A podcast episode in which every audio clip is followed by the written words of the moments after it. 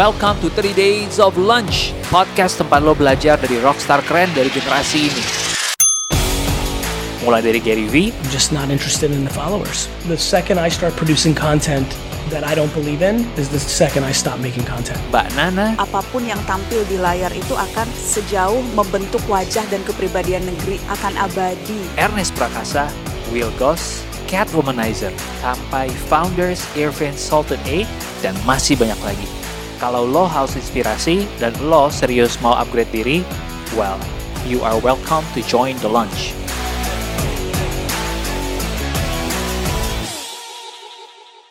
Halo semua, welcome back to 30 Days of Lunch. Udah episode kesekian masih dilakukan secara remote. Kita punya home studio masing-masing di tiga tempat yang berbeda, but we still manage, we still make it work. Halo Ruby, apa kabar? For the first time, gue ngerasa kayaknya gue butuh liburan, menggantikan liburan yang gak kesampaian kemarin. Batal kemarinnya sama-sama ya kita ya. Iya, dan kita jadi lupa liburan gak sih? Karena kemarin lebaran juga kayaknya pendek banget liburnya gitu. Ya kayak nggak ada libur sih lebaran cuman gue manfaatin satu hari untuk ke rumah orang tua dengan protokoler lengkap aja itu rasanya aduh. Heeh. Gimana dengan narasumber kita hari ini? What does he feeling? Narasumber kita yang kali ini gue kenal udah lama dan gue um, look up to him in a lot of ways. Yang kita ajak ngobrol malam ini dia adalah yang kemarin nih sempat rame terakhir karena Instagramnya membantu di masa-masa PSBB awal-awal ini. Halo Om Edward Suhadi. Halo, selamat malam Bung Aryo dan Bung Ruby. Kita kayak um, komentator bola nih pakai Bung kayaknya. Bung. Glad to be here guys. Yeah, how are you man? Sibuk, sibuk. Gue itu sama istri sebetulnya orang yang introvert sebetulnya di antara semua suka. Katanya orang lihat gue heboh, suka suka make joke, suka apa. Tapi sebetulnya gue sama istri tuh introvert. Jadi uh, kita berdua cukup menikmati sebetulnya uh, tinggal di rumah tuh honest dan model kerjaan kita kan uh, bisa dikerjain di rumah ya maksudnya agency yeah. a lot of hmm. a lot of meetings yang bisa online jadi uh, kita suka masak terus hmm. kalau sama keluarga karena kita udah sama-sama karantina dan juga orang tua orang tua gue tuh model yang kemarin sempet sempet down karena kesepian gitu ya jadi akhirnya yeah. kita suka visit gitu loh jadi mm. movementnya nggak bener-bener di satu rumah ini tapi either ke rumah keluarga gue yang lebih sering mungkin karena rumah keluarga gue lebih dekat sama keluarga istri gue mungkin kayak dua minggu sekali gitu mm. I see, I jadi see. jadi nggak nggak nggak merasa apa maksudnya kan orang beda-beda ya ada orang yang sangat sangat berat gitu di karantina uh, sangat gue sangat mengerti karena sebetulnya bokap gue salah satu yang yang sangat apa ya terdampak uh, sepi gitu ya maksudnya kan kalau orang udah tua kan kerjaannya cuman ketemu teman jalan gitu cuman kalau gue sama istri we just happy jadi untuk wrap up pertanyaannya how are you mungkin gue doing really good. Banyak brand juga telepon gara-gara tidak dirancang ya. Si gara-gara telur telur ceplok. Telur ceplok. Telur ceplok. Ya, ya, ya, ya, ya, ya. Gue ng ngelihat lo kan awalnya dulu pertama kali kenal sebagai uh, wedding photographer and videographer kali ya. Video juga ya waktu Betul. itu ya. Jadi uh, gue pernah foto di lo, foto keluarga gue. Gue pernah bikin video bareng segala macam tuh lumayan lama. Terus udah gitu pindah ke suatu agency yang namanya Ceritra. Gue hmm. lihat-lihat karya lo yang tanpa harus lo promote ke gue sebagai ya walaupun kita satu grup kasih tahu nih ada kerjaan nggak tiba-tiba aja nongol di di iklan YouTube, di rekomendasi teman. Tiba-tiba gue kemarin ngomongin um, dikasih lihat iklan suatu operator tiba-tiba ini suaranya gue tahu nih suaranya Edward ya? Iya suaranya Edward langsung gitu. Jadi kayak kayak dan semua karya-karyanya itu mau itu Telkomsel, Bluebird, uh, apa DBS, Astra banyak banget yang semuanya tuh kayak ada ceritanya yang kuat. Dan kalau Hmm. gue sebelahin nih cerita websitenya sama blog lo itu semua tuh kayak ada cerita yang kuat. Setiap blog, setiap blog post, setiap portfolio aja kayak ada ceritanya. Apalagi kalau gue nontonin yang DBS satu-satu itu panjang banget ya, banyak banget jadi serius. ya. Dan itu hati, hati lo yang lo tumpahkan ke situ bukan cuman ide tapi eksekusinya juga juga gue bilang perfect sih prosesnya gimana sih? Lo lo menuangkan dari dari um, nyari ide apa yang mau disampaikan sampai tiba-tiba akhirnya jadi suatu produk. Um, gimana caranya kayak ide lo, values lo, suara lo, your voice actually um, spoken di di karya-karya lo itu. Sebetulnya uh, again gue tahu apalagi kalian kan di sini uh, you talk to a lot of inspiring people, quote unquote successful people gitu kan. Jadi biasanya yang namanya resep itu kan uh, banyak banget ya. Hmm. Resepnya tuh uh, everybody has their own recipe dan uh, kalau kata yang lagi beken sekarang privilege-nya jadi ya. garis yeah. startnya di mana terus uh, kerja kerasnya dia seperti gimana hmm. pemilihan pertemanan dia apa keluar dari zona zamannya dia and in the end uh, some people call it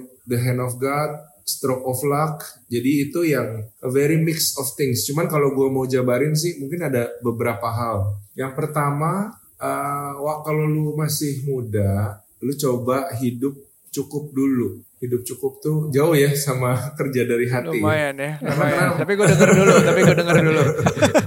we'll get there, we'll get there pelan-pelan kayaknya nih. Maksudnya namanya kerjaan kan pasti ada hubungan dengan pendapatan dan gaji gitu ya. Benar. kalau lu pengusaha eh, nilai project, kalau lu karyawan dengan eh, gaji dan pilihan perusahaan seperti apa di mana lu mau bekerja gitu ya.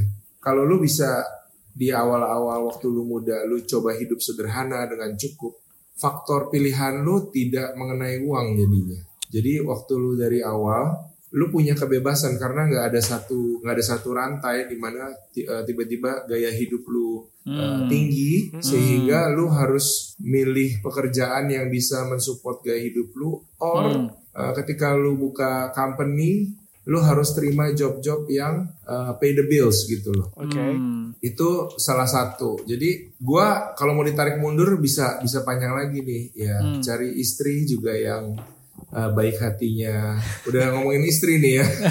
Iya iya iya. Tapi gua rasa tapi gua rasa uh, in all honesty uh, gue sangat percaya kalau lu juga baca tulisan gue, gue I'm a big uh, believer in marriage gitu ya karena gue ngelihat gue bisa seperti sekarang karena banyak ketika gue mengambil hal-hal yang riskan istri gue tuh uh, siap gitu istri gue siap jadi hmm. dia oke okay, if it doesn't work gue bisa kok ngirit dan we can live gitu. We I I won't blame you dan you know. Hmm. jadi ketika gue muda gue banyak pilihan untuk ngerjain hal-hal yang mungkin belum ada duitnya atau kerjaan yang duitnya kecil atau kerjanya jadi sedikit karena yang gua kerjain hal-hal yang idealis. Tapi uh, dengan setiap project dan kesempatan gua uh, belajar sehingga the next project is better than the last one gitu. Hmm. Jadi sekarang gue umur 40 dan mungkin uh, lagi menikmati ya. Maksudnya mungkin waktu gue 22, 23, 25 mungkin gue belum menikmati. Maksudnya kadang gue digaji terakhir, kadang gue gaji dibayar nggak full gitu ya. Kadang gue nggak tidur weekendnya dan bikin email sampai paginya itu nggak sepadan dengan dengan project-project gue bahkan kadang-kadang waktu dulu belum ngerti cash flow-nya minus uh, tidurnya nggak merem gitu ya tapi if you do it right pasti lu bisa metik suatu hari di di masa depan. Hmm. Jadi kalau sekarang misalnya mau beli PS5 nih udah bisa bos gitu. Iya iya iya. diuntungkan ya. lagi sekarang gua uh, belum punya anak.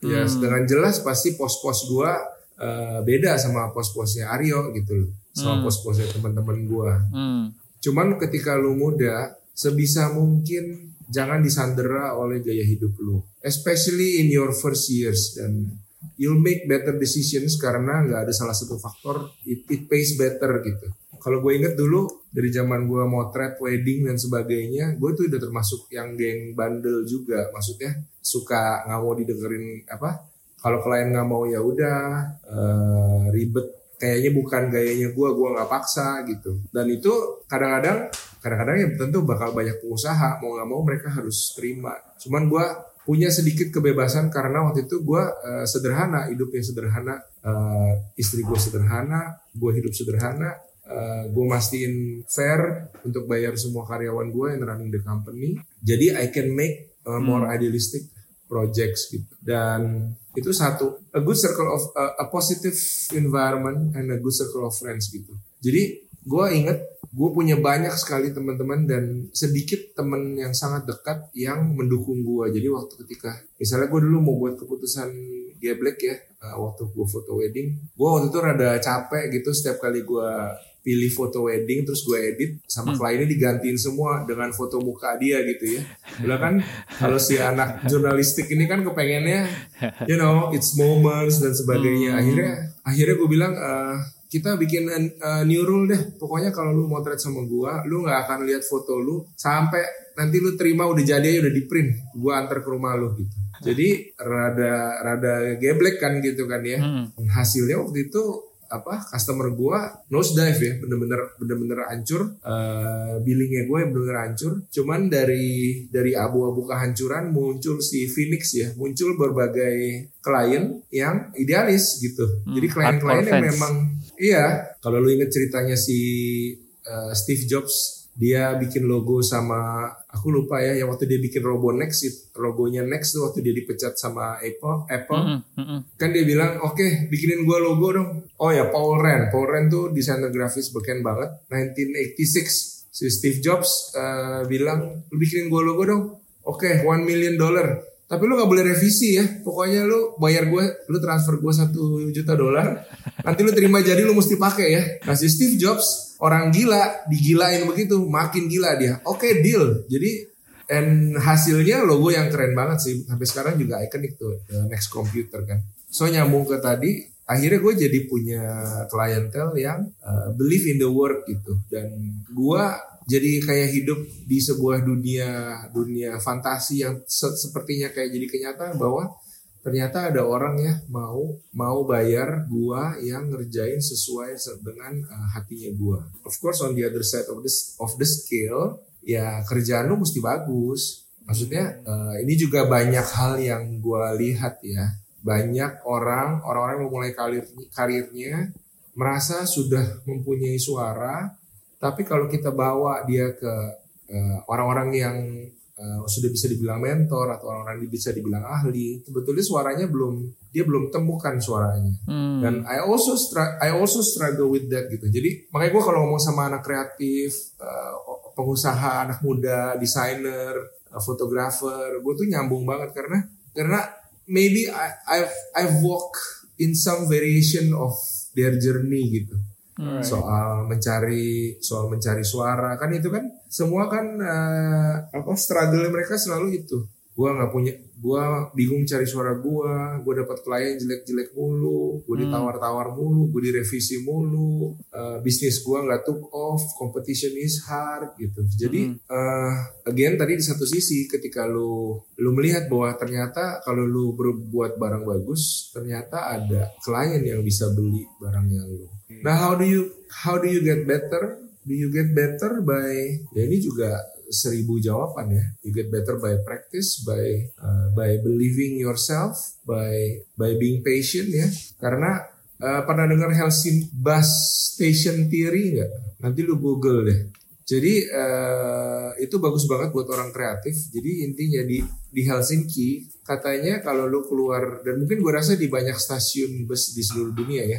Kalau lu keluar stasiun, semua bus itu lewat jalan yang sama dulu. Jadi eh, misalnya ada 10 bis nih, 10 jurusan ya, jurusan P1, P2, P3 gitu. Nah, for the first eh, kilometer or two kilometers, jalur yang di jalan itu sama. Tapi ntar begitu setelah kilometer kedua lebih, tiba-tiba dia bercabang. Oke. Hmm. Baru kelihatan tuh oh P1 P2 ke kiri, P3 ke 4 ke kanan. Dan intinya sampai di ujung, akhirnya semua bis pasti kan pergi ke jurusan yang berbeda, benar nggak? Hmm. Hmm. Nah banyak banyak orang dalam jerninya mencari suaranya, begitu dia ngeliat lah ini semua orang kok jalannya sama atau kok gua kayak dia ya, gua nggak mau kayak dia gitu. Gua kan mau mencari suara gua sendiri. Akhirnya dia muter balik dan dia mulai lagi dari uh, stasiun. Terminal. Hmm. Dan gue lihat banyak uh, orang anak-anak muda terutama yang lagi mencari suara itu seperti demikian. Ketika mereka ngerjain sesuatu, terus mereka merasa kok gue mirip sama dia ya. Jadi either by rasa nggak enak kayaknya jiplak katanya jiplak, or mungkin rasa nggak enak atau gengsi ya. Gue gak mau ha. sama kayak dia. Ha -ha. Jadi gue mulai lagi dari zero. Nah jadi uh, you can google it up. Gue juga baca somewhere in an article and it's a good illustration sih. Oke, gue penasaran banget mana batasnya di antara gue yakin karya gue bagus sama gue kepedean karya gue bagus gitu. Ternyata nggak ada yang beli. Gimana orang yang denger, oke kalau dia karyanya bagus, oke ya sudah lama kelamaan pasti tahu kok. Tapi kalau dia cuman kepedean, kalau dia kayak itu, tapi akhirnya nggak pernah tahu gimana cara menentukan karya lo tuh bagus gitu. Ada marketnya. Ini juga juga salah satu tips sederhana yang sering gue kasih ke anak-anak muda, anak kreatif. Lu tuh harus jujur sama diri sendiri. Karena banyak orang itu nggak jujur sama dirinya sendiri. Jujur sama diri sendiri itu gimana? They know it's crap gitu loh. Waktu kita bikin, waktu kita bikin kita tuh tahu di hati kecil kita ini nih jelek. Cuman either eh, faktornya banyak karena mereka males nggak mau cobain lagi, karena mereka nggak mau keluar dari zona nyaman, karena mereka pikir eh, gue cuman perlu deliver the minimum required eh, apa batas minimum yang supaya gue nggak diomelin. Kan itu namanya ada batas batas asal kalau gue bilang sama sama teman-teman Iya, kreatif. iya, iya. asal nggak diomelin asal nggak direvisi jadi uh, people always do the the minimum required sebelum dia diomelin orang Hmm. dan sering dan sering kali sering kali orang tuh uh, kurang jujur sama dirinya kalau gue boleh ngomong sekarang ya mungkin gue udah lebih tua rata-rata daripada ini ya jadi mungkin lebih leluasa ngomongnya Lebih Cuman- tua dari kita kok udah pasti anak- juga itu. gue 41 baru 41 gue. Cuman seperti gue bilang juga, gue pernah muda, gue pernah idealis dan kita paling nggak seneng kalau direvisi kerjaan kita kan. Iya. Ini Ruby kan fotografer nih, ya Rub. Hmm. Darah lu mendidih kan, darah lu mendidih kan kalau direvisi kan gambar lu. Iya, Terus betul. di it's it's young blood gitu. Ah, gue juga ngerasain ketika klien ngomong dalam hati gue cuma bilang, ini klien kagak ngerti maksud gue nih, kagak ngerti nih. Pinteran gue kali daripada lu gitu ya. Jadi padahal padahal kalau setengah jam sudah berlalu, kliennya sudah pulang, terus lu liatin tuh foto, tiba-tiba bunyi apa di kepala lu? Ya bener juga sih. bener juga sih. Ini bakmi kan emang jualan lobsternya, ya lobsternya nggak kelihatan. Goblok ya gue ya. Gimana sih? Gitu. Cuman ketika lagi di meja itu biasanya Gengsi. darahnya keburu naik. Iya. Ego, ego. Iya, so so good work sering kali tuh harus jujur. Maksudnya you'll know, you'll know if it's crap. Believe me, kalau lu mau jujur sama diri lu sendiri, mungkin ada sedikit porsi orang yang betul-betul tanda kutip delusional. Eh, bahkan, tapi jangan salah ya, orang jenius itu semuanya delusional. Jadi eh, mungkin juga si delusional ini ternyata dia become a lot bigger artist than we are one day gitu ya. Bisa juga. Ah bisa jadi. Jadi kayak, cuma gue selalu bilang begini. Misalnya gini, gue kalau kalau eh, sama editor gue misalnya offline, offline tuh istilahnya kalau habis syuting gambarnya kita potong sesuai storyboard, kita aduk-aduk supaya jadi sebuah potongan yang kasar gitu ya. Eh, jadi gue suka upset kalau udah tahu itu salah tapi dimasukin. Misalnya apa ya? Misalnya kayak kayak tadi deh, kayak Lobster. Udah, ya bakmi lobster atau gue kasih contoh misalnya adegan eh, misalnya eh, ya ada anak kecil padahal anak kecil ini mau di, mau diceritain mengenai masa kecilnya tapi eh, kita nonton tuh bingung gitu. Kita nonton tuh bingung kita nggak tahu nih anak kecil anak kecil siapa segala. Jadi gue selalu balikin gini anak kecilnya menurut kamu anaknya siapa? Ya nggak jelas sih kok. Nah kalau nggak jelas kenapa lu bikinnya begini? Maksudnya kira-kira gitu. Jadi kadang orang tuh mesti di di diteror dulu. Ditanya dulu ya. di- ditanya dulu ha. jadi maksud gue gue selalu bilang sama eh, teman-teman semua gue bilang kan either your boss or manager or kalau gue creative director jangan present ke dia hal-hal yang menurut lu udah salah lu kan if you have a team kalian kira-kira tahu lah yang gue maksud kan misalnya kan Iya, Tahu iya, tahu iya. tahu. misalnya kayak misalnya kayak tadi nih eh, misalnya bakmi lobster gitu kan kelihatan nggak lo kalau maksudnya ditanya gitu depan klien di depan klien lu kan malu gitu Rob, lu kan foto bakmi lobster ya. Lu lihat papan tulisan gua apa tulisan itu? Lihat, Rob. Bakmi lobster 66. Ini kelihatan lobsternya nggak, Rob? Eh, tapi ini bagus cahayanya. Nah, biasanya gitu. Ini Ruby sebagai contoh aja, Rob. ya. Cuman kira-kira gitu. Jadi eh, Gue ada satu uh, referensi lagi. Kalian Google ini deh, uh, The Creative Gap uh, Ira Glass di YouTube. Itu nanti kalian di podcast ini kayaknya lu bisa puter deh. Dia uh, pot, si Ira Glass ini kan penyiar radio ya, NPR kalau nggak salah ya. The Hmm. Creative Gap. Ada nggak di YouTube ya? Kayak gambarnya animasi Ada ada. Ya, jadi gue ringkes begini. Jadi dia bilang begini, kalau wah kalau lu orang kreatif, lu tahu barang bagus tuh kayak gimana di sini gitu ya.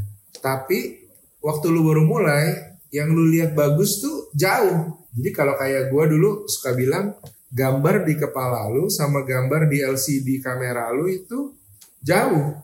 Lu punya lu punya imajinasi mengenai gambar yang bagus. It's the same thing lah if you're a product designer kalau ngeliat barangnya Apple, barangnya Nike, lu tahu barang bagus tuh kayak gimana. If you're if you're a movie maker, lu ngelihat eh, si siapa David Fincher, lu ngelihat si Nolan gitu, lu tahu lah storytellingnya bagus kayak gimana. Hmm. Ya. Cuman waktu lu baru mulai, kalau lu fotografer gue kasih ga- biar gampang ya. Gambar bagus di kepala lu sama gambar di LCD lu tuh jauh. Hmm. Tapi the good news is lu punya lu punya persepsi mengenai gambar yang bagus tuh kayak gimana di kepala lu. Iya, iya, iya. Nah, as as you get better, kalau kalian nonton nanti, gua rasa itu klipnya pendek kalau kalian punya waktu ntar Iya, diputar it's aja di about two minutes. Iya, dia bilang the way you get better, apa semakin lu lebih baik, gambar di LCD lu di belakang kamera lu itu makin dekat dengan gambar yang ada di kepala lu. And then suddenly one day duanya tuh kedua-duanya tuh dempet. Sama seperti kayak gua bikin eh, kemarin Telkomsel gitu ya. Ya. The frame is exactly I have what I have in my head. The copy, the music, the frame, everything is exactly what I have in my head Hmm. dan gue seneng ya gue nggak tahu gue dinilai dinilai orang sebagai sutradara yang kayak gimana cuman gue seneng yang digambar gue sama yang gue lihat di layar gue itu dempet sudah dempet dan kalau balik lagi nih supaya ngomongnya nggak ngelantur pertanyaannya Aryo gimana lu tahu bahwa kerjaan lu tuh bagus atau jelek? Mungkin jawaban singkat gue lu tuh selalu tahu pekerjaan bagus kayak gimana. Contohnya adalah pekerjaan yang lu bisa lihat di internet. So it's not kalau lu nggak mau dibilang mainstream ya maksudnya. Lu kalau sutradara nggak mau dong gua uh, Steven Spielberg gitu katro gue maunya David Fincher atau gua mau maunya David Lynch gitu ya. Hmm. ya oke nggak apa-apa tapi lu tahu barang yang bagus tuh kayak gimana nah Hmm. lu lihat aja barang lu tuh sama nggak dengan yang Lo bilang world bagus. class ah. standard uh-uh. Ini kalau fotografer nggak mau disebut uh, fotografer kayak uh, apa Om Darwis gitu ya mungkin katanya Om Darwis sudah rada kuno gitu ya pokoknya kayak Davi Linggar Hmm. ya tapi lu bisa lihat kan foto lu sama Davi Linggar Sejauh dempet apa? nggak gitu Hmm. jauh apa enggak Iya. gitu Mungkin kalau dibikin blind test kasih ke orang, orang bisa bedain nggak? ternyata Iya, ternyata ketahuan juga. banget bedanya. Jadi you, you have to be you have to be honest with Hmm. yourself. Kadang-kadang kadang-kadang menyodorkan kerjaan lu kepada orang-orang yang lu uh, hargai, orang-orang yang lu lu anggap penting pendapatnya dan yang bisa jujur sama lu itu juga penting. Hmm. Dan lu bisa terima nggak kalau dibilang your work is like crap gitu kan? Kerjaan lu nggak bagus gitu, lu bisa terima nggak? Kalau lu nggak bisa terima, akan makin lama lu mengkoreksi diri lu karena lu pikir kerjaan lu udah bagus. Hmm. Hmm. Gue seneng banget tadi waktu mention soal Helsinki bus theory, which is gimana orang sering ngerasa gue mesti ngulang lagi semua dari awal, gue mesti nge-restart to find my voice. Padahal sebenarnya kalau ditarik eksperimen mungkin 10 orang, 10-10-nya pasti akan melewati fase yang kurang lebih sama di early stage karir mereka gitu ya. Uh, you just have to push through sampai akhirnya lo pecah gitu ke jurusan lo masing-masing. Yang yang menjadi pertanyaan gue adalah masih terkait soal menemukan suara lo. Ya, gue ngelihat suara itu bisa ditemukan dari hal-hal yang justru mungkin gak ada hubungan sama pekerjaan dulu. Karena banyak anak muda ini problemnya adalah nanya diri mereka sendiri kayak gimana aja mungkin nggak bisa jawab gitu. kayak paham dirinya susah gitu. nah, eh, Oke. kalau gue nih ya, kalau gue nih ya, what gue percayanya adalah lo sekarang di umur 40, lo pasti udah punya kayak semacam life principles gitu. Yang akhirnya udah Pasti. ngebentuk lo karena ya setelah 15 tahun 20 tahun lo berkarya itu menjadi suaranya lo gitu. Nah, yang pertama Hmm. gue pengen tertarik justru adalah ketika lo ngebahas soal apa namanya? What is the name? One of your articles tentang exception and the rule. Menurut gua itu akan bisa ngebuka banget eh, orang bisa semakin memahami diri mereka gitu. Ya, itu bagus cara Mm-mm. pandangnya. Mungkin gua eh, tadi makanya suara mengenai suara gue tuh setuju banget. Gua bahkan di semua seminar-seminar gua, workshops gua kalau diundang ke tim kreatif, tim manajemen gitu, gua kadang-kadang di belakang layar juga suka kasih suka kasih training-training gini buat eh, brand-brand kalau biasa pada Edward ngajar dong di tim kita gitu gua share. Gua nomor satu intinya kalau lu mau jadi jago di dunia fotografi, jangan beli majalah fotografi, bro gitu. Kalau lu mau jangan lu beli eh, menurut gua ya, jangan lu beli trade magazine Hmm. gitu. Kalau lu, lu beli trade magazine, you become the mainstream voice. Hmm. Tapi creativity is about connecting the dots gitu. Ketika Hmm. misalnya ya, karena ini yang gue ingat kerjaan gue ya, bukan memuji diri sendiri, ntar kayak memuji diri sendiri ya. Kayak si Telkomsel dengan handphone kayu itu kan jauh gitu. Karena the obvious the obvious line itu eh, di pegunungan terima, wih masih ada sinyal gitu kan. Itu kan the Iya, obvious iya, iya, line. iya. Tapi tapi mungkin itu timbul dari gue belakangan kayak suka ngelihat orang yang crafting apa bush apa sih namanya yang eh, orang Hmm. camping eh, bikin bikin panci sendiri Oh, oke. terus eh, bikin Hmm, hmm. Heeh. terus jadi kayak maksud gue gini tuh ada gue juga lupa either Mark either Mark Twain atau si siapa lah pokoknya dia bilang ditanya how do you how do you become a better Hmm. writer dia bilang ya go out and live a good life kata Hmm. dia nah ini sering kali yang orang sering lupa bahwa kalau lu anak agensi tapi setiap hari kerjaan lu ngerjain brief dan deck pasti deck lu jelek karena sudut pandang lu terbentuk dengan industri Hmm. gitu ya. Ya kalau perbincangan udah masuk, tapi what lu kagak tahu kerjaan gua, gua disuruh bikin. Ya of course everyone has their own challenges ya. Maksudnya gua tidak mengecilkan, gua tidak mengecilkan deck bertubi-tubi. Gua juga menghidupi dunia itu gitu. Cuman di waktu selang lu atau di waktu lu napas lu, lu memilih apa gitu. Lu memilih menenggelamkan diri lu makin ke sa- sama seperti semua orang atau lu belajar I don't know berburu ayam dengan panah atau mem- apa membuat membuat madu dari pohon atau belajar bercocok tanam men stack ngerti nggak maksud gue jadi kayak eh, I think all the great writers eh, dancers photographers gitu mereka dalam kesibukan mereka jadi sekali lagi gua gua tidak mengecilkan yang namanya Hmm. deadline dan Hmm. sebagainya I live that life too cuman lu harus ingat bahwa gimana lu mau bikin dapat ide yang kreatif atau ide yang bagus kalau you don't start living a good Hmm. life gitu. A good life is not an expensive life loh. It's exactly kayak videonya Jim Carrey itu loh. Persis kayak gitu. Jim Carrey kan nggak yes man. Kan dia semua no, diajak nggak mau, no. Iya, iya, Pura-pura tidur. Tiba-tiba dia ikut pack gitu kan. Terus dia bilang yes to Hmm. everything kan. Tiba-tiba dia lagi, gue lupa deh dia nganterin cewek, dia uh, boncengan sama si Zoe di channel kan. Terus terus tiba-tiba dia ikut uh, kelompok uh, lari pagi gitu. Jadi you have to try to live uh, a more open life Hmm. gitu ya. Supaya kayak gua kan lu bingung gitu kalau lu ngelihat tulisan gua kadang-kadang gua ngomong tentang bayi tabung, tentang penang, Hmm, tentang dokter gua dan kehin apa prinsip. Hindunya. Tiba-tiba gua mas- ngomong tentang free diving, tentang menahan napas, tentang uh, karbon dioksida, tentang mengalahkan diri Hmm. sendiri. Terus tiba-tiba ngomong tentang masak. Terus gua ngomong tentang pernikahan, terus gua ngomong tentang marketing, gua ngomong tentang komunikasi, tentang videografi, film. Jadi jangan artikan ini bahwa ya lu waktunya banyak. Of course again, it's a challenge everyone has to make. Gue juga nggak berharap lu tiba-tiba ikut kayak gue bisa diving, free diving dan eh, pergi ke Penang gitu ya. Tapi eh, it's a mindset bahwa coba lebih banyak buka dalam kehidupan kalian. Hmm. Dan kalau lu lihat kan banyak banget kursus Ya, gratis, ya. kelas gratis. Gua ada hunch bahwa you are who you are now you found your voice, salah satunya adalah karena lo banyak berlatih menulis. Gua Betul. salah satu orang yang cukup percaya. A Kenapa? thousand, a thousand percent right. A thousand percent right.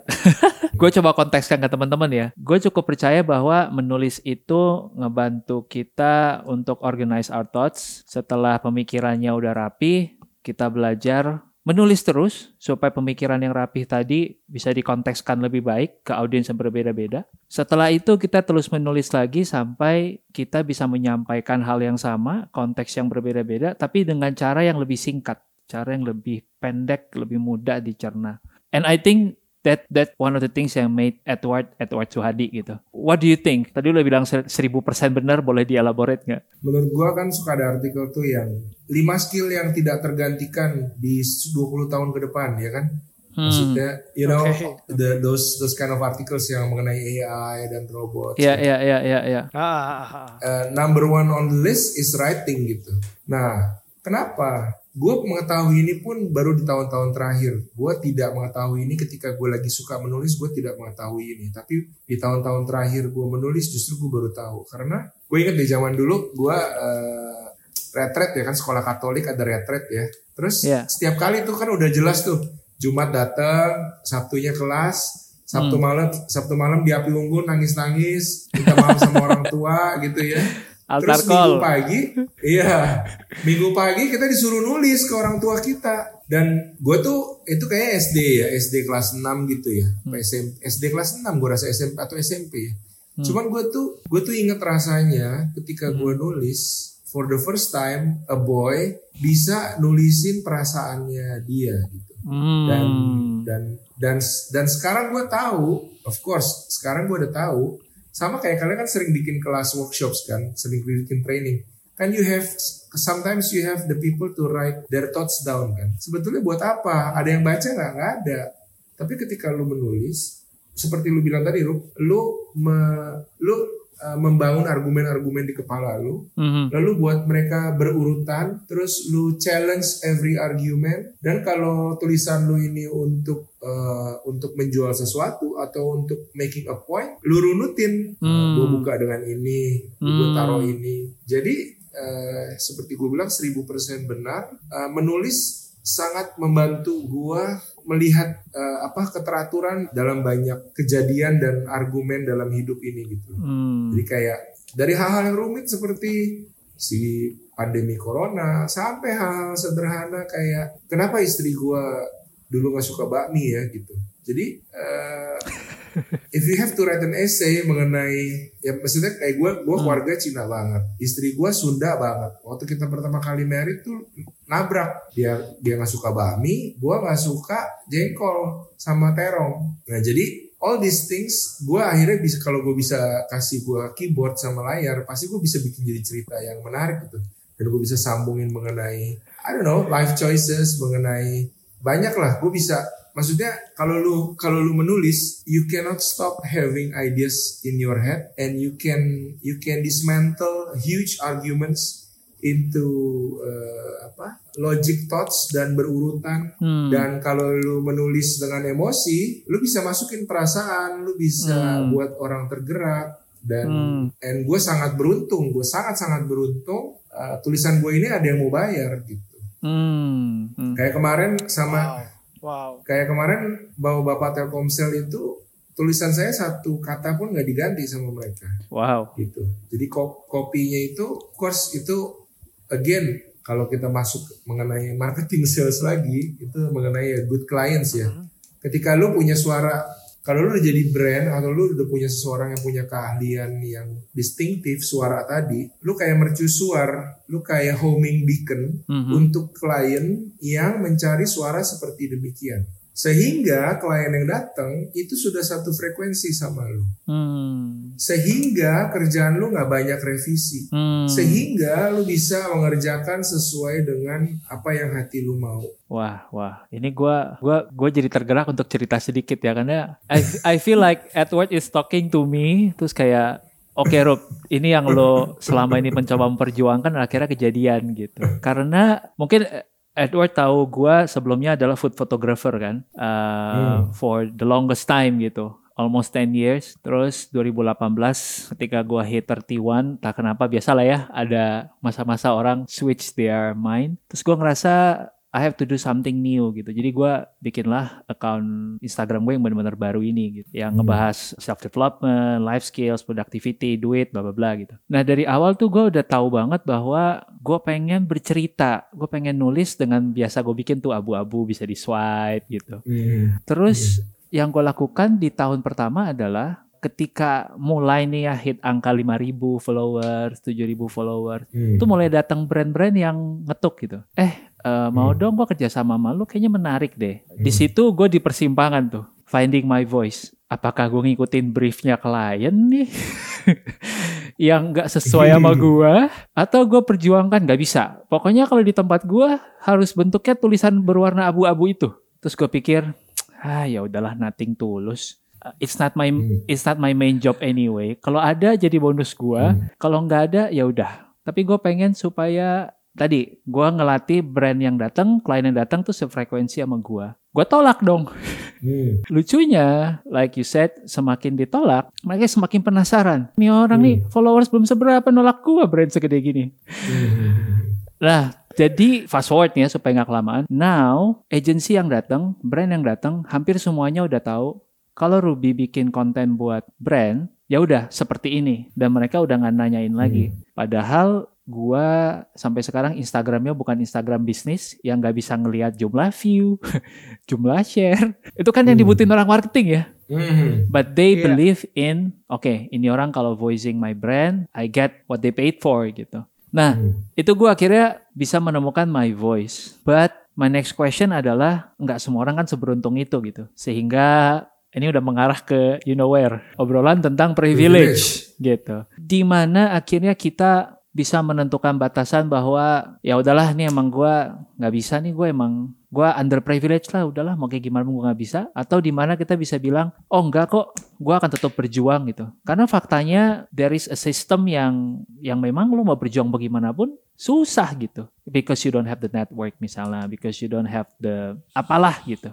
Menurut gua eh, orang bicara privilege itu seperti dua kotak gitu ya. Kalau kalian bayangin ada dua kotak Tupperware gitu, satu kotak privilege, satu kotak underprivilege. hmm. Padahal menurut gua sama seperti semua hal dalam hidup, laki lu bayang nggak gitu, dia jago masak apa enggak?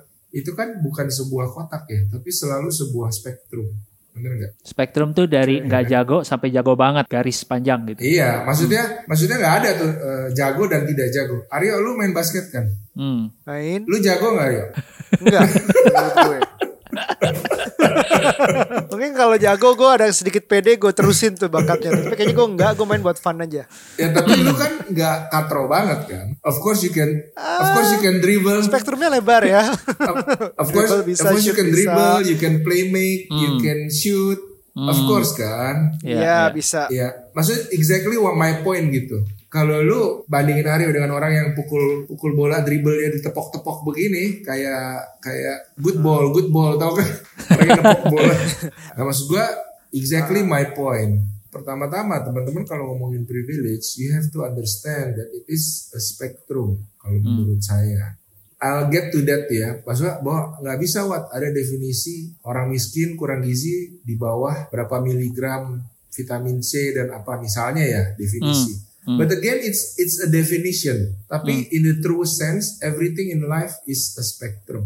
Kalau Hmm. menurut saya. Jadi privilege itu sering kali begini. Ketika orang-orang kayak gua ngomong sama anak kan- kantor gua orang agensi sehat walafiat, orang tuanya baik, tapi dia sering make bad decision misalnya dia kebanyakan sehari main Insta story sampai 3 jam misalnya ya. Hmm. Terus gue omelin, lu main Instagram mulu, lu mendingan belajar masterclass Ki. Jangan Hmm. lu keluar zona nyaman dong Hmm. kayak gitu. Seringkali kita tuh memberi memberi semangat kepada orang-orang yang di kelompok ini, kelompok satu sisi sebelah kiri gua nih. Tapi sering kali yang dimasalahkan orang. Begitu gua bilang, lu tuh harus kerja keras dalam hidup lu harus keluar zona nyaman. Tiba-tiba muncul teriakan, nah lu enak, lu udah berhasil. lihat Hmm. dong semua orang ini. Tapi yang ditunjuk orang yang di sebelah kanan. Paham nggak ilustrasi gue? Hmm, hmm, hmm, hmm, paham, hmm, paham. hmm. Ya of course, of course kalau namanya orang lahir di misal katakanlah di keluarga yang tidak berada di mana orang tuanya aja nggak mau dia sekolah kayak waktu gue ke Halmahera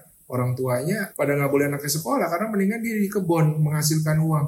Oh, ya of wow. course gue nggak akan ngomong ya itu banyak banget di seluruh Indonesia ya kayak begitu. Daripada dia sekolah nggak jadi apa-apa mendingan sekarang bantuin ayah di kebun petani iya. gitu loh.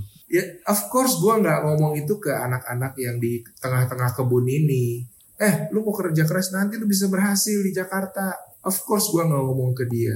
Nah sering kali ribut di sosmed mengenai privilege ini menurut gue karena ketika ngomongin orang di Hmm. sebelah kiri selalu yang dibawa data dari sebelah kanan Kanan. Cukup jelas nggak ilustrasi gue? Jelas, jelas, Jelas, jelas, jelas banget, jelas Iya. banget. We have we have the same perspective kok kalau kalau ngomongin privilege, gue Iya. juga suka ngelihat banyak orang yang doesn't really sebelum menentukan dia privilege apa enggak tuh nggak kayak nggak tahu cerita lengkapnya tuh apa gitu. Ya jadi of course kita semua juga punya empati dan punya hati ya. Hmm. mungkin kayak eh, you know anak yang lagi kecrek-kecrek di pinggir jalan terus buka kaca. Kamu males banget sih. Of course, of course ilustrasinya of course ya gue mohon maaf ilustrasinya ada ekstrim gitu ya. Tapi ini kan gue ngomong untuk eh, katakanlah anak-anak kantor gue lah. 20, 22 to 25 Hmm. agency people gajinya cukup punya internet kaki lengkap tangan kaki kiri kaki kanan ada tangan kanan tangan kiri ada kencingnya masih lancar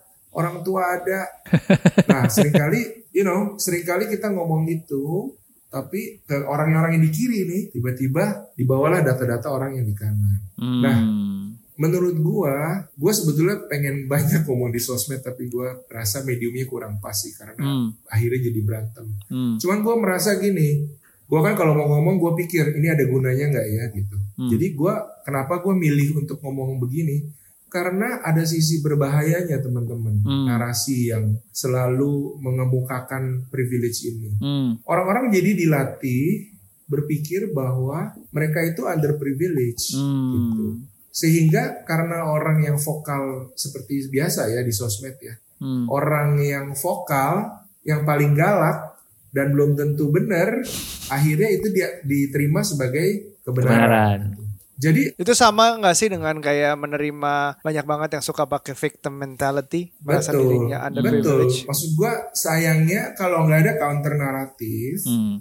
justru kasihan justru orang-orang yang diambang ini yang akhirnya kita tutup dengan pintu pintu batu ya. Hmm. Oke, ternyata gua Under. ternyata karena dia ada koneksi dia bisa berarti gua nggak bisa of course ini bukan ngomongin orang-orang sebelah kanan ya Ya. orang-orang sebelah kiri nih jadi kalau tidak hati-hati teman-teman gue selalu gue kalau mau nulis di sosmed pun gue pasti tutup dengan begini gue bilang kuncinya nih teman-teman eh, kalau kalian punya pion mewakili avatar gini kalian punya pegang avatar di tangan kalian nih mewakili diri kalian yang bisa taruh diri kalian di kotak kiri privilege atau di kotak kanan underprivilege Hmm. itu cuma diri kalian sendiri. Makanya menurut gua the truest form of privilege is di dalam kepala, Mindset. mindset. Hmm. Dan itu memang statistik dan akal sehat aja menunjukkan bahwa ditentukan oleh eh, tempat lu dilahirkan. Eh, Hmm. pro- probabilitas besar ya. Maksudnya kalau lu lahir di keluarga yang positif, eh, gizi lu cukup, orang tua lu punya perhatian, orang tua lu nggak bercerai, lu nggak Hmm. eh, apa, nggak berantem terus tiap hari, Hmm. eh, diperhatikan pendidikan lu. Seseorang bisa punya daya pikir yang positif. Ini belum ngomong eh, tajir atau nggak tajir ya. Maksudnya orang dari keluarga sederhana pun eh, bisa. Nah tapi Edward berarti lu nutup pintu pintu batu dong kayak di Indiana Jones gitu ya. Jeger. Kalau orang tua gua kalau orang tua gua cerai atau eh, gua ngurusin empat adik gua untuk sekolah, which is exactly my point. Yang bisa naruh diri lu di privilege or underprivilege itu cuma diri lu sendiri. Hmm. kan nggak fair gue bilang karena kalau lu karena you don't have all this perfect family and then you cannot make it gitu. Who am I to say gitu? Statistik bilang Hmm. begitu kan of course statistik bilang begitu. Tapi you see you see kemarin tuh gue mau nimbrung ada di sosmed ada satu orang gue nggak kenal sih Mas Oka ya.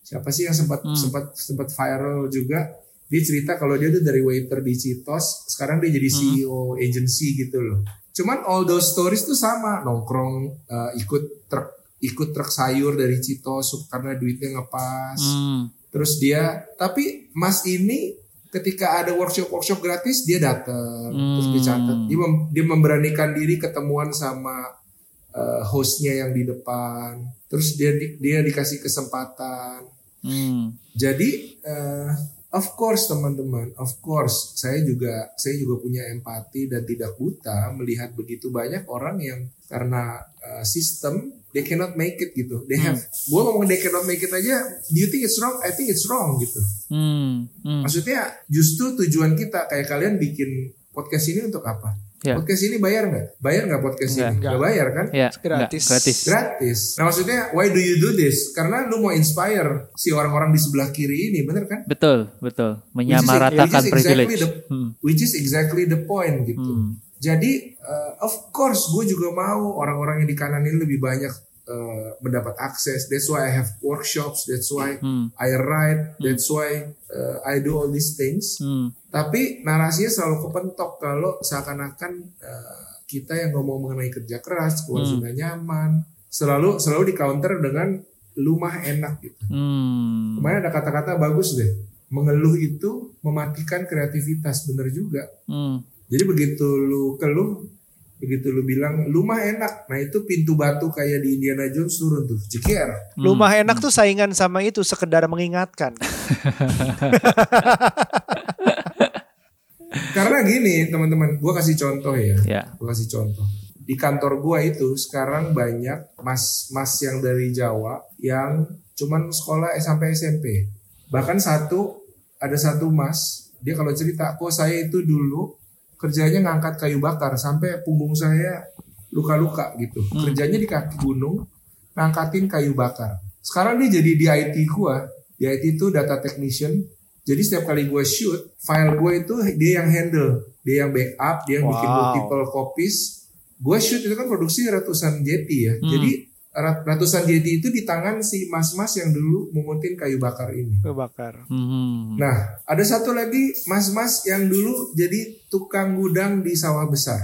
Tapi sekarang gue nggak punya kameranya, cuman gue lihat dia tertarik banget sama kamera. Kalau di dunia produksi tuh ada namanya, kalau orang rental kamera, kamera ini kan ada yang miliaran harganya ya.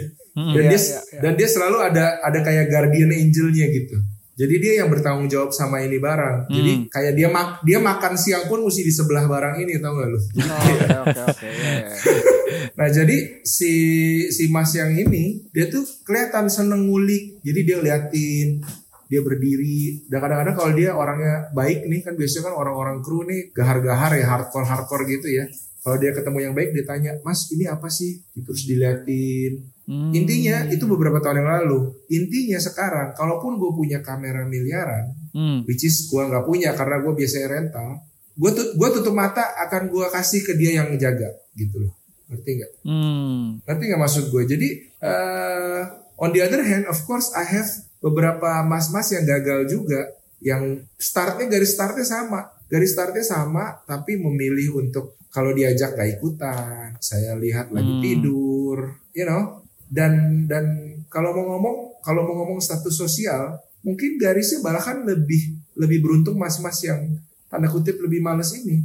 Tapi tapi yang mas-mas kayu bakar dan sebagainya tadi lebih punya isi kepalanya yang I have to do better for my life. Mungkin dia mikirin Hmm. istri dia, mungkin dia Hmm. mikirin anak dia. I don't know, I don't know the reason ya. Hmm. Jadi maksudnya mungkin cerita-cerita seperti itu yang mau kita ceritakan tentu bukan untuk mengejek mereka-mereka yang betul-betul tidak mempunyai akses Oke. seperti seperti orang di sebelah kanan saya gitu loh. Dan dan gue nginget diri gue sendiri ya Hmm. zaman dulu gue gue ikut seminar zaman gue ikut seminar workshop ya pas ditanya Hmm. kamu kalau Sabtu ngapain Wat? kamu mesti ya gini gini dong gini gini gini gue tuh inget diri gue tuh merasa malu ditampar-tampar ngerti gak gue tuh gak inget diri gue kayak dalam hati ah, lu mah enak sekarang gitu Iya, jadi iya. I don't know it's apakah iklimnya zaman sekarang you know it's everything is, is a bit sensitive and touchy nowadays makanya gue yang bisa gue lakukan kalau lu eh, bisa ngobrol sama anak-anak kantor gue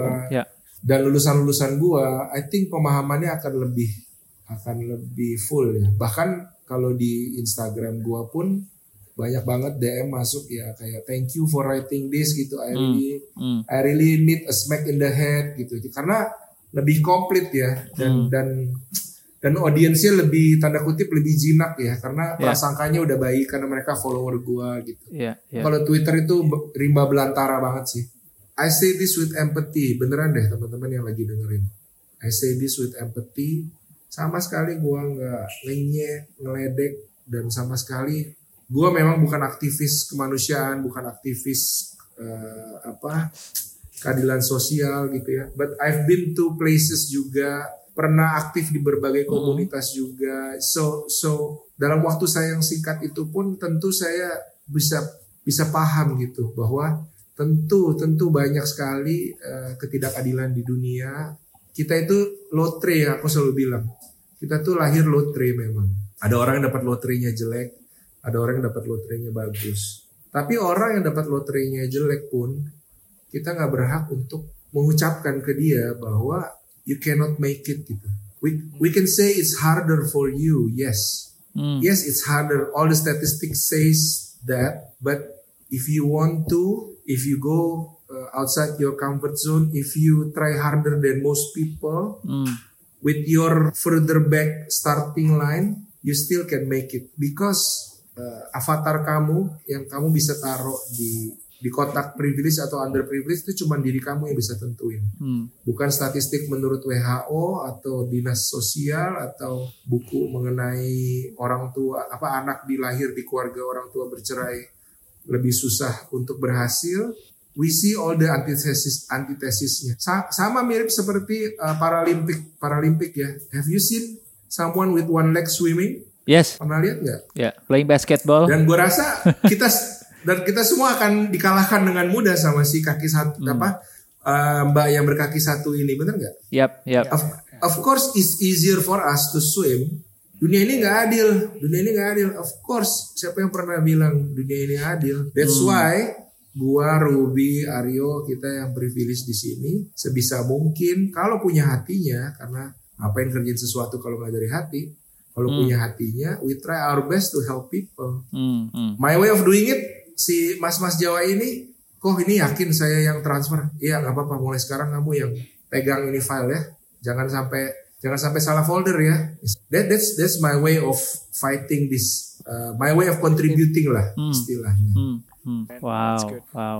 Tapi lo udah membuktikan, udah ngelakuin dan I think yang lo mention tadi benar-benar mewakili sih, mewakili apa yang kita pengen sampein. Ya, ya, you said it better bahkan. Nah, gue berawal dari blog, tapi gue sekarang meninggalkan blog gue. Hmm. Gue punya satu tulisan agak agak dibaca banyak orang yaitu tentang uh, trying to conceive gue. Tapi sekarang gue nggak pernah nulis lagi. Gue banyak belajar dari tulisan karena tulisan menurut gue adalah banyak juga buat gue daripada buat orang lain. Jadi gimana gue menstruktur diri sendiri, gimana gue nulis aja udah terapi, nulis aja udah nginget sesuatu lagi biar lebih dalam. Nulis aja udah kayak belajar menstruktur, fishbone segala macam banyak macam lah uh, teorinya. Tapi gue agak menyesali tadi lo pada ngomongin tentang menulis dan gue mengurangi itu. Bukan cuma dalam bentuk blog, tapi kayak nyatet pun jadi kayak awalnya tulis pakai tangan, lama kelamaan diketik, lama kelamaan disingkat, lama kelamaan di bullet points, lama kelamaan di, di se- sependek-pendek mungkin. Dan itu in a way it good it is good to save time, but in another way ngapain sih buru-buru? Kadang-kadang tuh ada yang harus kayak di pelan-pelanin, di journey-nya dinikmatin untuk kayak belajarnya lebih Hmm. dalam. Thank you guys for reminding me to start, you know, start writing again slowly. Ya, ya. yes please do Ya, I think connecting tim kita hari ini adalah kita bertiga semuanya menulis ya. Nulis, kita punya blog semua ya. Iya, iya, iya. Iya karena orang yang punya uh, kegelisahan apa kegelisahan jiwa, orang yang depresi kan salah satu obatnya suruh tulis kan dia. Iya, iya. Iya, Jadi lu bisa terapi itu. Eh, terapi ya, menstruktur. Gue juga have my episodes of uh, mini lah ya, mini depression like everybody. Ketika gue lagi kayak galau, bingung, kadang gue I grab a pen terus gue nulis gitu Hmm. dan gue dan gue uh, lu tuh takut apa sih Wat? Gitu gue tulisnya gitu, lu tuh takut apa sih? Serius. Iya serius, serius, serius. Gue bilang terus, kenapa? tell me gitu. Terus gue tulis. Jadi in the end it's it's you you can see it's it's right there gitu. Dan dan itu membantu banget sih. Sisi lain ya daripada menulis untuk jualan yang tadi. Ya, lu ada tips nggak buat exercise, latihan yang bisa dilakukan sama teman-teman yang ngedengerin? Mungkin beberapa pertanyaan yang bisa men-trigger mereka untuk memulai nulis dan menemukan diri mereka dalam tulisan atau eh, cara-cara menulis tertentu yang bisa ngebantu mereka menemukan diri mereka, finding their voice gitu. Oke, jadi ya of course nomor satu mesti punya niat ya karena gue punya satu kalimat ini yang yang yang lagi sering gue pakai di workshop gue karena semuanya mengenai content creator dan Mm-mm. bikin YouTube channel dan sebagainya. Pertanyaan selalu sama, gimana ya saya mau bikin channel tentang apa ya gitu. Terus gue gue, gue cuman bilang semua orang mau viral tapi mereka nggak punya sesuatu untuk diceritakan. Or bahasa Inggrisnya lebih enak. Hmm. everybody wants everybody wants people to listen to them but they don't have anything to say. Jadi semua orang pengen orang dengerin dia tapi oke ngomong deh. Eh, ngomongin apa ya? Gitu loh. Jadi mungkin nomor ya nomor satu kalian harus ya gue mau belajar menulis. Itu aja kayaknya sederhana but it's it's a start sikap hati ya. Sikap hati gue pengen bisa belajar eh, menulis. Hmm. nomor satu. Eh, latihan kalau latihan yang sangat simpel ya mungkin eh, ka- kamu suka apa? Kamu suka gue mau ngomong apa ya misalnya? Saya suka bakmi nih. Gue kan suka bakmi nih. Hmm. kenapa kenapa kamu suka bakmi? Hmm. karena mungkin dari dulu keluarga gue ngajarin gue bakmi terus eh, dari gue kecil my comfort food nyokap gue seneng banget jadi gue dimasakin bakmi oh berarti sebetulnya eh, rasa nyaman di hati itu eh, dibentuk dari kecil ya? Eh, apa ada ada hal-hal lain gak yang oh gue inget gue tuh punya eh, ada restoran Chinese food deket rumah gue nggak terkenal tapi dari gue kecil gue suka dibeliin itu restoran. Menunya tuh selalu puyung hai sama kue tiaw dan tahu nggak sekarang sampai gue umur 40 gue itu masih comfort food gue kalau gue lagi sakit kalau gue lagi apa gue selalu mencari Kuyung Hai. puyung hai sama kue tiaw tadi. Nah itu udah satu udah satu udah dua paragraf tuh. Hmm. ngerti nggak? Jadi eh, jangan jangan mulai dari gue mau gue mau preach to the world about inequality of women misalnya ya menurut gue ya. Atau jangan berat-berat atau why I think Xbox is better than itu itu sih itu sih boleh ya. Cuma maksud gue hal-hal yang sederhana itu pernah nggak lu telusuri kenapa lu suka sesuatu dan lu tidak suka sesuatu? Misalnya tips. Hmm. Hmm. misalnya misalnya gue apa? Dulu gue gue tuh suka cuci piring. Oke. lucu nggak? Oke. I think menarik kan? we know who to call. coba. Coba lu bayangin bayangin gue buka sebuah tulisan dengan eh, saya tuh suka cuci piring. Menarik nggak? Menarik. kalau kalau lu di sebuah ruangan lihat lihat lihat kamera ya badan lu maju gini nggak? Iya iya iya. ketika lu ada orang ngomong ketika ada orang ngomong gue tuh suka cuci piring. Tapi bener gue tuh suka cuci piring. Aku nggak tahu kenapa kayaknya kayaknya dulu dulu gue inget di zaman gue itu ditemukan zaman gue itu lahir di zaman belum ada sunlight. Jadi gue gue lahir di zaman nyuci piring itu pakai sabun colek yang licin-licin. Ah, oke. Nah, ketika ada sunlight, gue inget tuh dulu, wah enak ya, piring jadi keset ya, ngek ngek gitu ya. Tapi nyokap gue pelit, jadi kita tuh kagak boleh pakai sunlight. Jadi gue gue tuh dari dulu kecil kesel, kenapa kita tinggal di rumah gedong, kagak mau beli sunlight, belinya sabun colek. Jadi somehow waktu gue gede, gue tuh kayak muas-muasin diri, my inner child.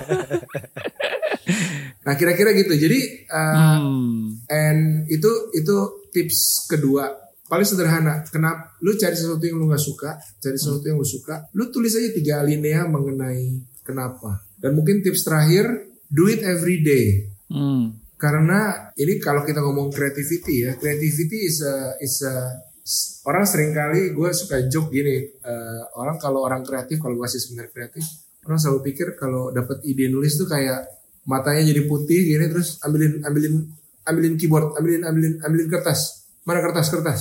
Orang pikir tuh kayak kayak ngerti gak? Kayak Kesurupan. dari surga.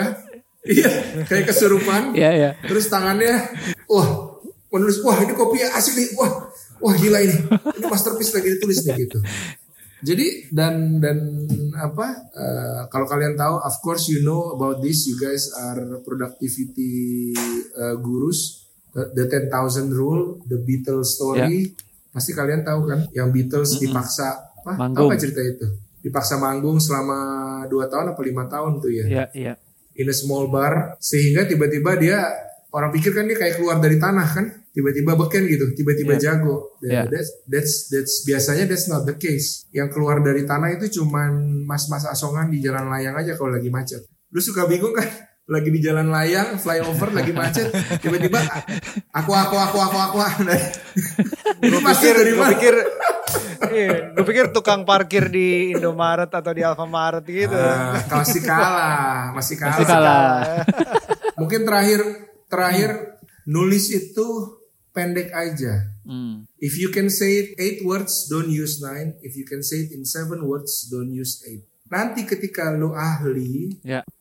Lu mau nulis, lu mau nulis sastra kayak Pak Pram ber, berbelok-belok berdansa ria, hmm. tapi ya, ketika yeah. lu lagi berusaha belajar, kalau pendapat gua nih, waktu lu lagi belajar menulis, Of course waktu awal lu uh, tumpahin dulu seperti semua orang kalau belajar sesuatu pasti dia tumpah dulu on the very on the very childish formnya pasti lu tumpahin dulu selebar-lebarnya sebanyak-banyaknya. Tapi ketika lu nanti katakanlah mau get better menurut gua, lu mulai hmm. pendek-pendekin.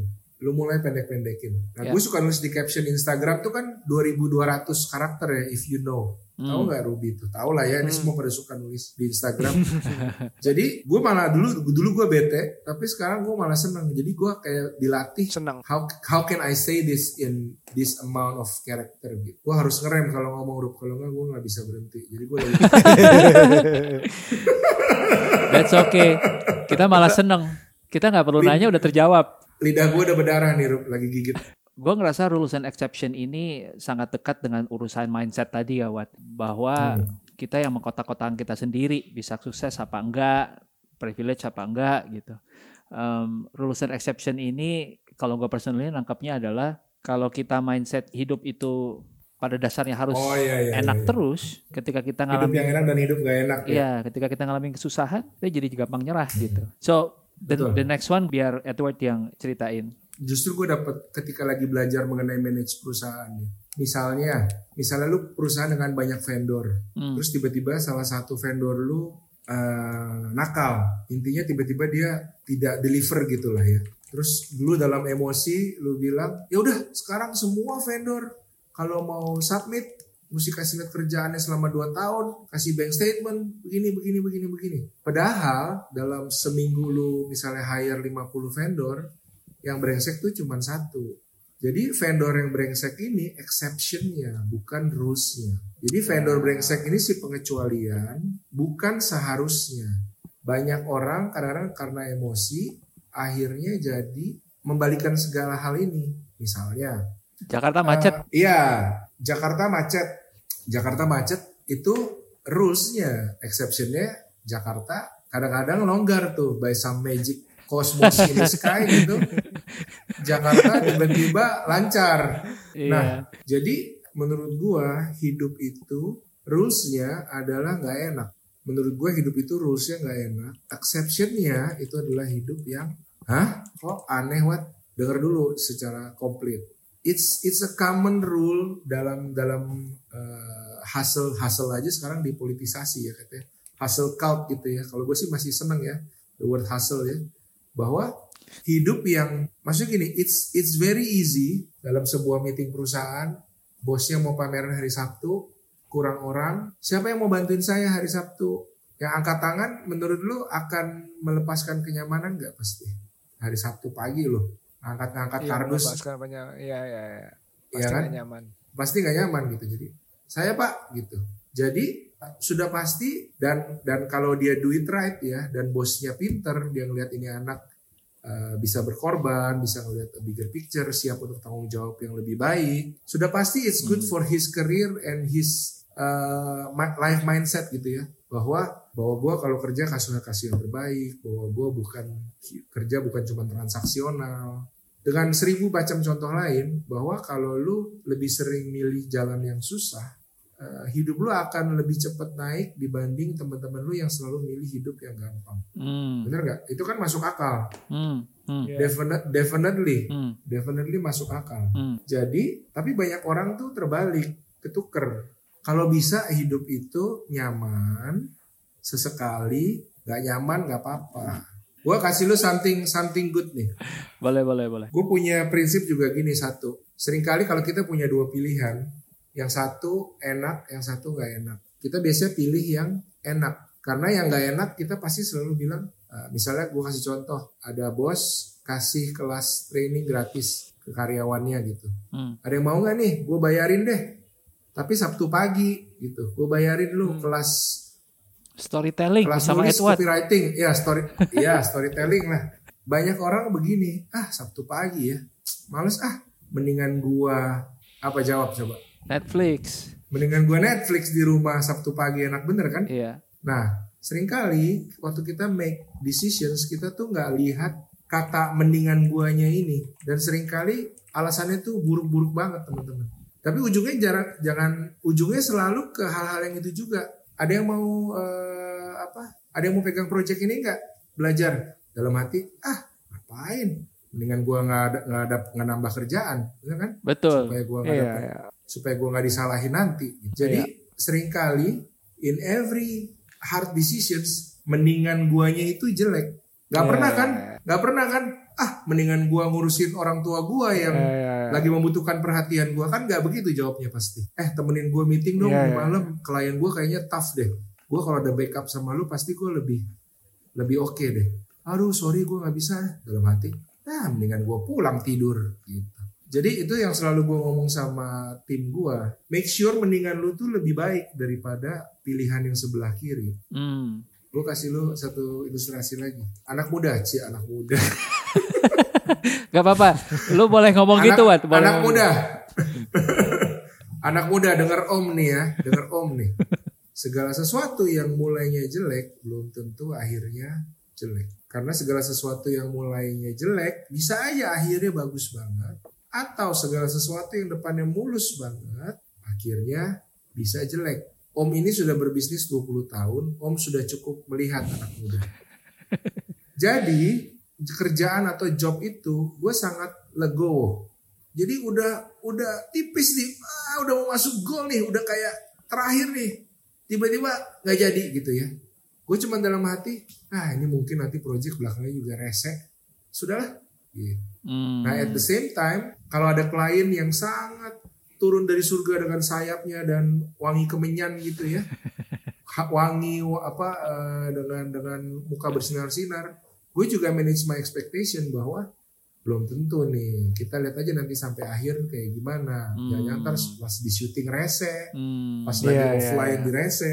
Hmm. Mungkin dia nggak rese, eh bos di atas dia yang rese, gitu Hmm. kan?